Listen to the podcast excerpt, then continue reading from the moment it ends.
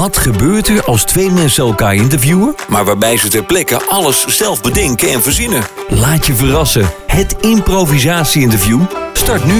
Aan de telefoon ervaringsdeskundige Reinier. Dag Reinier. Goedemiddag. Jij hebt het twee keer zelf eh, eh, gedaan. Ehm, eh, hoe, hoe was het?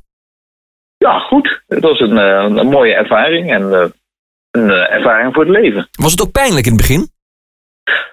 Ja, best wel een beetje. Ja, eh, je vergeet natuurlijk door de sensatie, eh, vergeet je de pijn. Maar eh, ja, goed en wel beschouwd is het wel pijnlijk te noemen, ja. Komt hier een appje binnen. Wanneer eh, voelde je de pijn het meest? Wordt er gevraagd door Angela.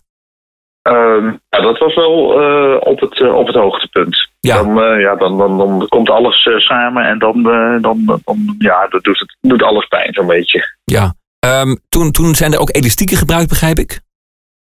Eh, ja, nou ja, dat begint eigenlijk al vanaf het eh, begin van het, eh, van het proces. Hè. Mhm. Dan, ja, dan worden de elastieken aangebracht om de enkels, om, om de nek, om de oren, om de pols. Mhm. En eh, ja, dan, dan voel je eigenlijk al...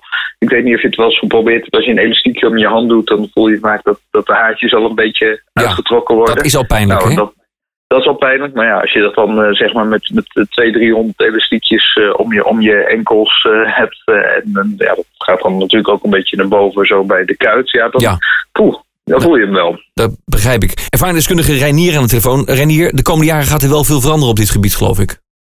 Ehm, ja, er is nu wel regelgeving gekomen en dat betekent dat je maximaal tot 600, 700, eh, een beetje afhankelijk van welk Europees land je woont, 600, 700 elastiekjes eh, gebruikt eh, mogen worden. Voor Nederland zijn dat er 625, als ik me niet vergis. Is dat een, een tegenvaller voor eh gebruiker als jij?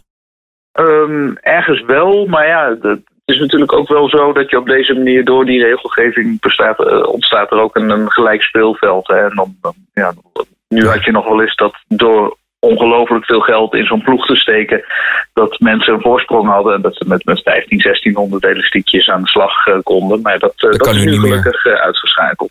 Dat, dat oneerlijke, toch wel oneerlijke spel. Ja, nou fijn dat het eh, nu duidelijk is voor iedereen. En misschien kan ik er nog even op eh, wijzen, als mensen het eh, zelf eens eh, willen ervaren. Eh, iedere zaterdagmorgen staan wij vanaf eh, half tien bij het begin van de bosbaan.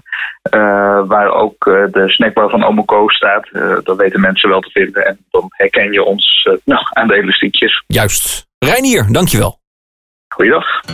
Het improvisatie-interview. Abonneer je gratis via iTunes of Soundcloud. Dan mis je er geen.